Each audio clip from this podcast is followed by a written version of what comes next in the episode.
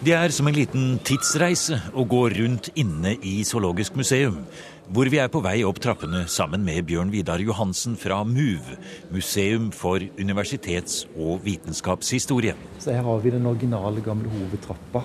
I granitt og med smijernsornamenter og Den er utrolig flott. Men så har vi litt eh, tidlig 70-tallshimlinger og litt sånn. Ja. Eh, Kontrastene er store fra de ærverdige museumskorridorene til det multikulturelle og internasjonale gatelivet som preger Tøyen og Grønland i dag. Og hvem vet hvordan det kunne ha vært hvis de store planene fra 1800- og 1900-tallet hadde blitt realisert. Tøyen kunne godt ha blitt stedet der universitetet skulle bygges ut. Og kanskje det til og med var på åsene her Karl Johan egentlig ville at Det kongelige norske slott skulle ha ligget.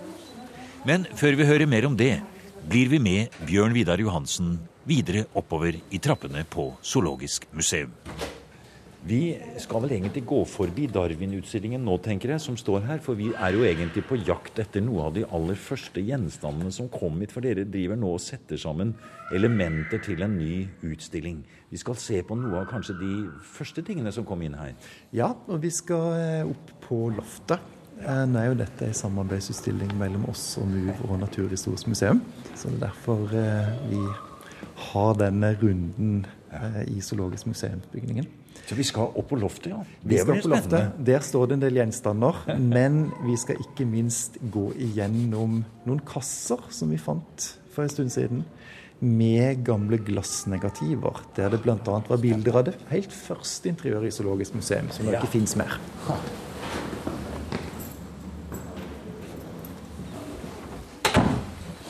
Alle fine sigareskene. Her er alle fine sigareskene, ja. ja. Noe av det som er så, så fascinerende med gamle eh, museumssamlinger, er jo det at ofte så er det andre ting enn selve museumsgjenstanden som blir interessant. Og i Zoologisk museum så er jo emballasjen utrolig interessant. Her ligger det mengder av flotte sigaresker.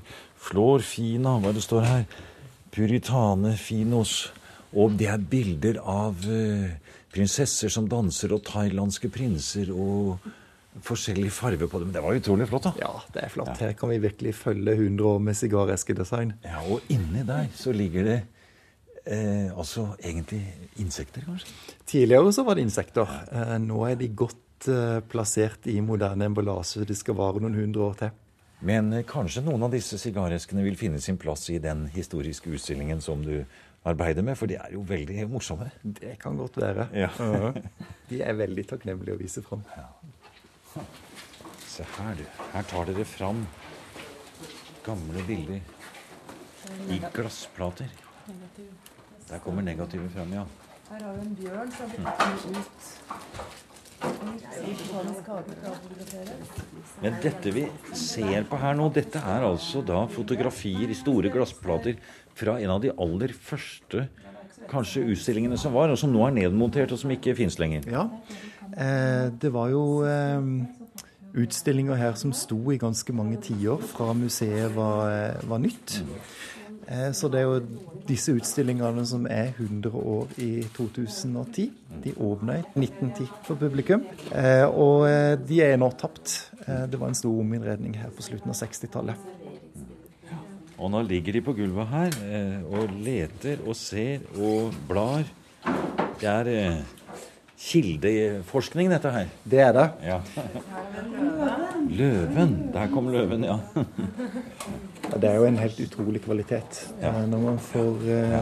får skanna disse, så kan de jo blåses opp nærmest i det uendelige og fremdeles veldig gode. gode. Men vi må forte oss, for det her er sølvet som kommer til overflaten. Og da Begynner å merke alderen, ja. Sammen med Bjørn Vidar Johansen er også historiker Anne Vålund fra MUV og designer Ellen Sjøvald fra Naturhistorisk museum. Esker med fotoplater og arkivmateriale hentes fram fra de innerste hyllene, til stor glede for arkivansvarlig Per Morten Barstad. Men det er veldig takknemlig når du ser hvor glad de blir når du finner noe sånt som står på hylle. nå sitter de på gulvet rundt det her, og du eh, smiler litt når du ser hvordan de arbeider med arkivmaterialet ditt. Det liker du. Ja, jeg liker det. Spesielt når de tar det med seg og digitaliserer, så du får det tilgjengelig til senere. Ja, nettopp. det vi håper på eh, ut fra et universitetshistorisk synspunkt, er at vi skal finne noe som, som også dokumenterer universitetshistorien. Hendelse eller en bygning eller Det kan ikke være de som henger i trappeløpet. Jo, det kan man sikkert være. Der var det hummer. Her er det noe veldig spennende, synes jeg i hvert fall. Det ser ut som det er urbefolkning et eller annet sted. i- Jeg vet ikke, Er det samiske barn? Kan du se hva det er? Det var jo I hvert fall sånn uh... reinbeitesaken på 19, rundt 1910, da både botanikerne og Vollebekk og Remi Opper. Det er fra den Her fant du noe. Det gjør bildet fra Ser du? ja, ja, ja. Så ser vi eh, store, høye veggskap rundt Ja. med utstoppa dyr. Det, er- dette er et flott bilde. Og dette er jo både noe som er perfekt i forhold til dette utstillingsprosjektet vi har nå om utstillinger i Zoologisk museum, men også for, eh, for mange andre sammenhenger. Ja. Dette er viktig dokumentasjon. Og det er jo så flotte bilder. vet du. Rent fotografisk også. Det er nydelig.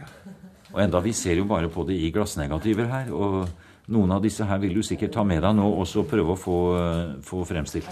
Ja, de skal skannes, mm. og de blir lagt inn i eh, vår fotodatabase. Og så vil de bli klassifisert, sånn at man får all informasjon kobla til bildet.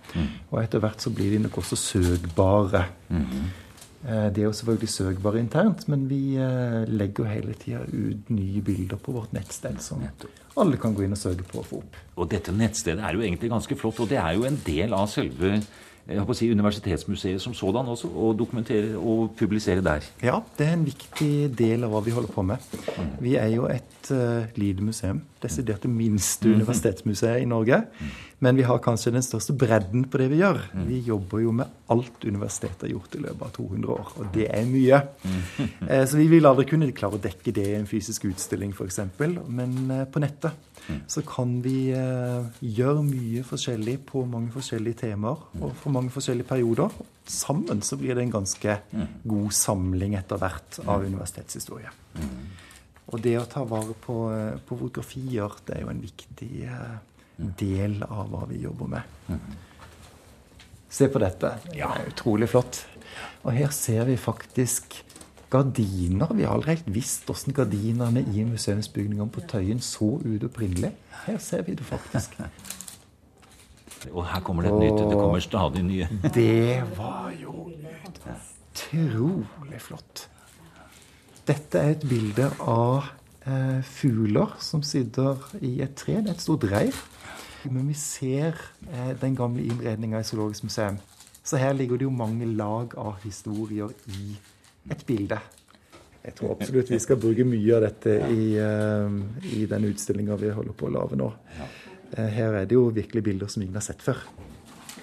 Men det er kanskje også litt Jeg står og tenker på det her. Vi står jo dypt inne i museet på Zoologiske museum her oppe på loftet. og Kanskje nesten vel så spennende å gå bak og se inn i magasinene enn i utstillinger som i hvert fall i noen sammenhenger kanskje også kan fremstå som utstilling eh, over seg selv, nesten da pga. tiden som går og ny formidlingsteknikk endrer jo på en måte kravet til et museum.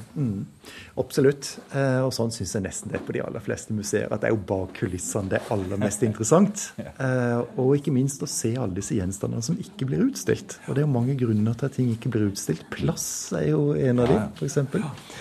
Eh, og eh, så er det noe med at man, man får også muligheten til å kunne se veldig mye gjenstander med forskjellig blikk i magasiner. For du vil finne så mye annet også som vitner om kulturhistorie. Nå er vi jo på et naturhistorisk museum, men eh, etter hvert som tida går, så blir jo dette også veldig veldig viktig kulturhistorie. Og faktisk også kunsthistorie. Nettopp. Nå går vi ved siden av en revehai og en eh, kopi av en krokodille og ser hva det står her. 1863. 1863, ja. Ja. Vi har jo eh, preparater på universitetet som, som faktisk er veldig tidlig 1800-talls, og til og med eldre enn det. Eh, på, på Blindern så har vi jo bl.a. en veldig fin drogesamling, som også er en skjult skatt, med tørka planter som er brukt i farmasiundervisninga. Og der fins det ting som nå snart er 200 år gamle. ja. Og som man kanskje må passe ekstra på, eller så er det noen som røker det opp. Dette er et freda rom, og det er under veldig god kontroll hvem som slipper inn der. Absolutt. Det ligger her silkepapir over en hel mengde spesielle ting. Her er det sånn kaimanskinn og krokodillehoder som stikker fram. Se her, vi løfter litt på papiret. Det er restaurerte Og se, de også står på sånne flotte sokler. Ja. Så dette har nok vært utstilt eh, i Zoologisk museum på universitetsanlegget på Karl Johan. Eh, vi vet at når det var markeder i Kristiania hvert halvår, så kom det mange tusen mennesker for å se på de zoologiske samlingene på Karl Johan. Det fantes faktisk publikumstellinger fra den perioden. Og da kom virkelig alle som deltok på markedet fra fjern og nær, som skulle se på dette. Det var jo populære ting å se på. Alt det eksotiske som fantes i disse Ja, ja, for hvis du skulle forklare litt eh, I våre dager så høres jo det nesten litt rart ut. Eh, men eh, det er ikke så rart når man tenker seg kanskje samtidens mangel på andre kilder til informasjon. Nei, det er noe med det. Altså, dette var jo noe man ikke hadde sett før. Og det var noe som mange ikke hadde så mange andre muligheter til å se også. Eh, vi vet jo at de mest populære museene på universitetet på 1800-tallet, det var eh, de zoologiske utstillingene, og så var det Olsak-samlingen. Ja. Som også holdt til i universitetsanlegget på Karl Johan. Og det var vel noe med at dette var gjenstander, preparater, som var eksotiske. De hadde en mystikk over seg. Eh, og det var nok en viss skattkammerfølelse i disse gamle utstillingene. Ja. Og det de så av zoologiske ting, det er faktisk det vi har her. Og det syns jeg er, gir nettopp denne dybden i å se disse gamle gjenstandene som er så morsom. Det er. Alle halene som stikker fram bak silkepapiret der bortover hele veien. Ja. Så alle disse, disse preparatene og dyrene her er jo gode eksempler på at etter hvert så blir dette viktig kulturhistorie.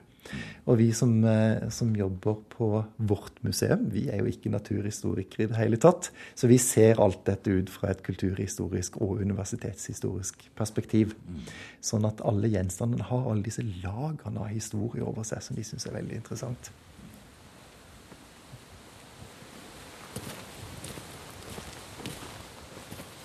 Ja, vi står og går og ser litt rundt i haven her og ser Geologisk museum på den ene siden, Zoologisk museum og de flotte havanlegget. Men hvor er Hvalmuseet hen? Hvalmuseet det fins bare på skissestadiet. Ja, Det ble aldri noe av det. Det ble aldri noe av. Nei. Eh, Det var mange runder for å få anlagt et eget museumsbygning for, eh, for hval og sel, faktisk. Det fant vi ut i dag når vi gikk gjennom noen papirer her i, i museet. Ja. og det fantes mange varianter av denne bygningen. Og det kokte vekk ut på 20-tallet. Da var det rett og slett ikke penger i kassa til å realisere det. Men eh, nå kan det hende det kommer en ny bygning her, sier du likevel. Men det blir ikke et hvalmuseum. Nei, eh, det er planer eh, som forhåpentligvis blir realisert om et tverrbygg for disse to museumsbygningene. Og det er jo for å kunne utvide publikumsfasilitetene og få inn en del nye funksjoner. Og det vil jo også da være en markering av at Zoologisk museum og Geologisk museum nå faktisk er del av ett museum som heter Naturhistorisk museum ved universitetet.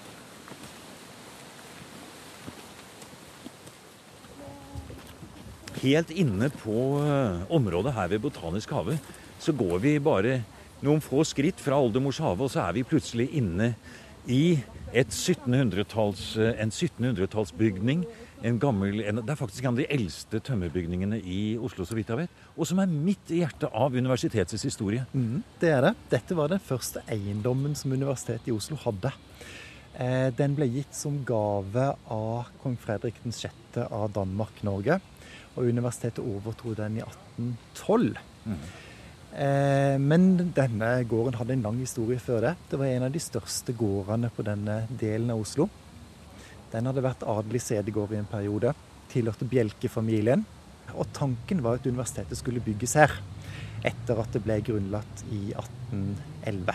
Og det fantes også faktisk planer om å bygge et helt universitetsområde de første årene her på Tøyen. Eh, Vi har ikke tegninger av det, men vi har det omtalt i skriftlig form. Eh, Og det var et ganske stort anlegg. Eh, Universitetet var faktisk ganske velstående på det tidspunktet. Men så kom napoleonskrigene, og det ble eh, internasjonale uroligheter. Og hele formuen bare forsvant, så man hadde rett og slett ikke råd. Og det var også så mange som mente at dette var altfor langt unna sentrum. Og sentrum av Oslo, eller Kristiania som det het den gang, det var jo da den lille kvadraturen som ligger ved Akershus festning. Eh, når universitetet ble oppretta, så hadde de jo ikke noe annet sted enn dette. Eh, så man måtte ta i bruk de bygningene som fantes. Vi vet at dette var også bygningen der man drev oppformering av planter. Jaha, ja. Det var faktisk eh, stuene ble brukt som veksthus en periode, før man fikk egne veksthus i haven.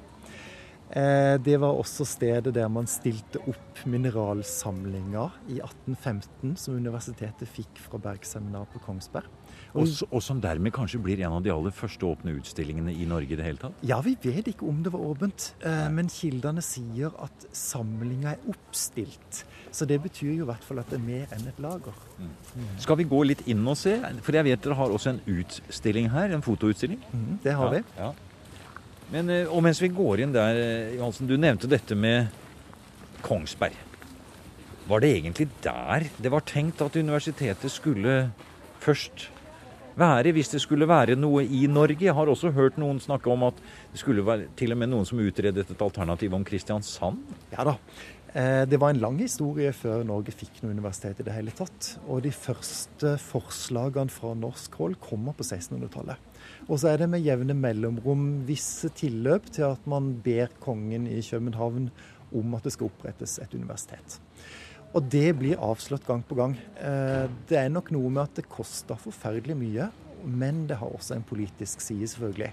Eh, kongemakta i, eh, i Danmark var nok redd for at det skulle avle revolusjonære krefter. Mens etter hvert så blir da dette kravet fra norsk hold så stort at det kanskje til og med er farligere å nekte nordmenn et universitet. Men dette med Kongsberg, det må du forklare litt nærmere. For det er vel bergverksdriften som er begrunnelsen der, kanskje? Ja, Man hadde jo ikke noe, noe lærested på høyt nivå i Norge, bortsett fra Bergseminaret på Kongsberg. Eh, og der underviste man på et ganske høyt eh, nivå, med utgangspunkt i, i bergdriften. Og også det at dette var jo store økonomiske interesser forbundet med den, så det var et viktig sted. Eh, de hadde også samlinger eh, som var viktige. Og man hadde da også en lærerstab og et miljø faktisk på Kongsberg. Sånn at En av planene var jo at skulle Norge få et universitet, så var det naturlig at man tenkte å se det som en forlengelse av Bergseminar på Kongsberg. Og når universitetet ble stifta formelt i 1811, så skulle det faktisk ligge på Kongsberg. Så man kan faktisk si det også rent formelt sett. Det er riktig at universitetet starter der, også formelt. Ja, det kan man absolutt si. Eh, Men etter hvert, når man begynner da å se på de praktiske sidene ved å opprette universitet, så, eh, så bestemmer de seg for å flytte driften til Kristiania.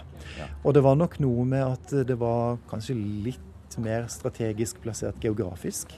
Men også at eh, det blir sagt i Danmark at Kongsberg har en høyst melankolsk beliggenhet som egner seg dårlig for studenter.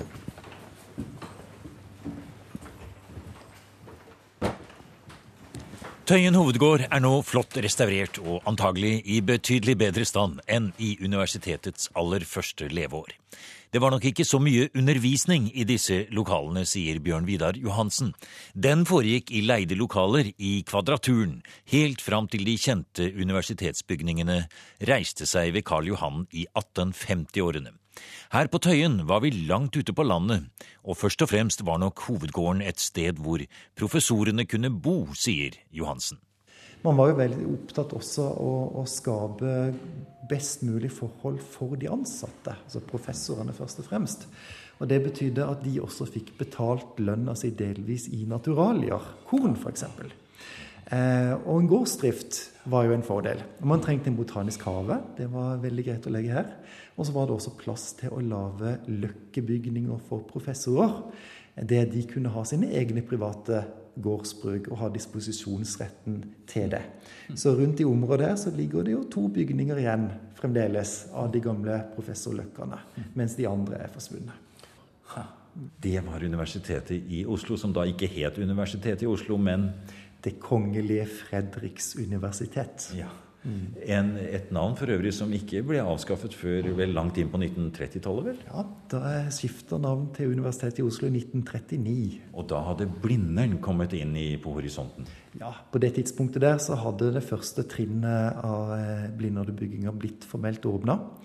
Eh, og det er den delen der fysikkbygningen og farmasi og astrofysikk ligger, altså eh, naturfagene.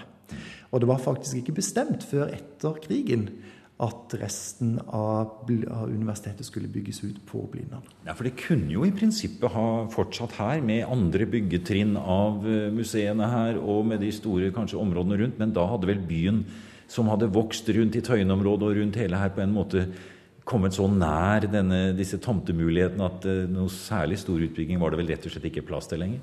Man hadde jo store planer rundt 1910 og årene i denne perioden.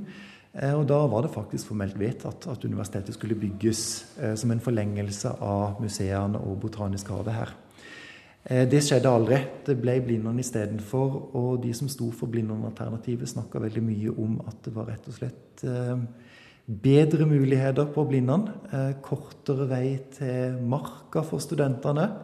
Det ligger kanskje litt implisitt at man ønska en utvikling der man trakk universitetet litt mer tilbake fra byen. Man skulle ha fred og ro. Og når du står og ser opp på Blindernhøyden i dag, så ser vi jo fysikkbygget som, som ligger veldig sånn høyt heva opp som et slags modernistisk tempel på, eh, på, toppen av bakken. Og den effekten ville nok ikke fått her. Her var det jo eh, veldig eh, sterk østkantkultur. Og det var sikkert også noen som var litt eh, redde for åssen påvirkning det skulle ha for sårbare studentsinn fra eh, landsbygda. Neste år feirer Universitetet i Oslo sitt 200-årsjubileum, og da skal vi komme tilbake med en liten serie programmer om denne spennende historien. Men la oss avslutte vårt besøk hos Museum for universitets- og vitenskapshistorie med en fotballkamp og historien om fru Blindern, som ikke het det, men som bodde på gården Blindern, og bokstavelig talt kunne følge universitetshistorien fra kjøkkenvinduet. Eh, det var en avtale med den siste eieren av Blindern gård at eh, familien skulle få lov til å bo der så lenge noen levde. Og fru Blindern ble jo gammel da, til universitetets frustrasjon. Så vi har jo også en utrolig flott bildeserie som viser hvordan disse modernistiske blokkene på Blindern bare gror opp ved siden av. Og stakkars fru Blindern fikk jo da anleggsmaskinen rett inn på tunet og ble helt invadert av den moderne tida. Og det er ganske fascinerende å se. Ja, og det kan man jo se nettopp på en del av den utstillingsteknikken som Universitetsmuseet her bruker, nemlig da på internett, hvor det ligger filmer hvor man bare kan klikke på å få hele historien om fru Blindern f.eks. Ja, man kan det. Vi har hatt et eh, studentprosjekt sammen med Institutt for mediekommunikasjon, der studenter har lagd universitetshistoriske filmer. Mm. Og der er bl.a. en om fru Blindern. Mm. Eh, og det er en fantastisk fin film. Veldig, veldig rørende. Veldig eh, godt produsert. Mm. Og den ligger ute på vårt universitetshistoriske nettsted på UiO-nettet. Den kan vi anbefale. Og Anne Vålund, du, har, du, er historiker, og du har nå stått her og gjerne vil fortelle om flere av disse flotte bildene som vi går og ser på her i utstillingen 'Universitetsliv', som jo er en helt konkret utstilling. Som ikke er på internett. Her er vi rett og slett i, med store fotografier som er veldig flotte å se på. Hva er det du vil fortelle om her? Jeg vil uh, gjerne fortelle om et bilde vi har her uh, som viser en fotballkamp på Universitetsplassen. Det er jeg har ikke opplevd noen fotballkamp på Universitetsplassen i min tid, men nå er vi tilbake til 60-tallet. Eh, og da ble det arrangert eh, kamp mellom de konservative og de eh, sosialistiske studentene. Aha. og der vi har en hel La oss gå bort og se litt nærmere på det. Dette er altså bokstavelig talt klassekamp, dette her, kan man si da? Dette er klassekamp, ja. ja. Eh, og vi kan se at eh, vi har det fra et fotoalbum fra en av de konservative studentene, og de valgte å kalle det footballkamp, da. Ja. Uh, og de, de, gjorde mye ut av det konservative elementet. De har f.eks. en blomsterpotte på målet sitt. Uh, og det er uh, Bildeserien er veldig morsom. Og dette er et oversiktsbilde hvor vi ser kaoset ute mm -hmm. på banen. Det er en dommer som sliter og prøver, og prøver å holde spillerne i sjakk i dress og slips. Kan se at de konservative her går med hvite, hvite pene shortser, mens sosialistene har sixpence og, og ja. nikkers. Og en morsom ting med dette bildet er at det er stint med publikum. Så et ja. sånt studentstunt som i dag ikke ville dratt mer enn 15 publikummere, det var stor, hadde stor underholdningsverdi i Oslo sentrum på 60-tallet. Utrolig morsomt. Denne fotobasen som dette er hentet fra, det er jo da en veldig viktig del av eh, MUV, Museum for universitets- og vitenskapshistorie, som dere da har. Og det går jo an å gå inn i alle disse bildene, vil jeg tro. Ja, vi, vi, har eh, jo veldig mange digitalisert, og så legger vi det ut på internett søkbart for publikum etter hvert som vi får nok informasjon om det. Så, så det er en voksende, en levende voksende kunnskapsbank. Mm. Ja, Dere vil rett og slett ha innspill fra publikum? Svært gjerne. Det er, eh, det er, eh, ofte sånn at vi finner samlinger hvor det ikke står hvilket fag det tilhører, kanskje ikke hvilket fakultet engang. Og da er det en lang prosess å ha et ferdig klassifisert bilde. Så vi blir veldig glad for alle innspill vi får. Mm -hmm. Og hvis de har et eh, fotoalbum hjemme i skuffen, eller en negativsamling fra bestefar som viser aktivitet ved universitetet, så vil vi veldig gjerne vite om det. Du har nå hørt programmet Museum som podkast fra NRK. Museum sendes i NRK P2 på lørdager og søndager. Du finner flere programmer på nrk.no podkast.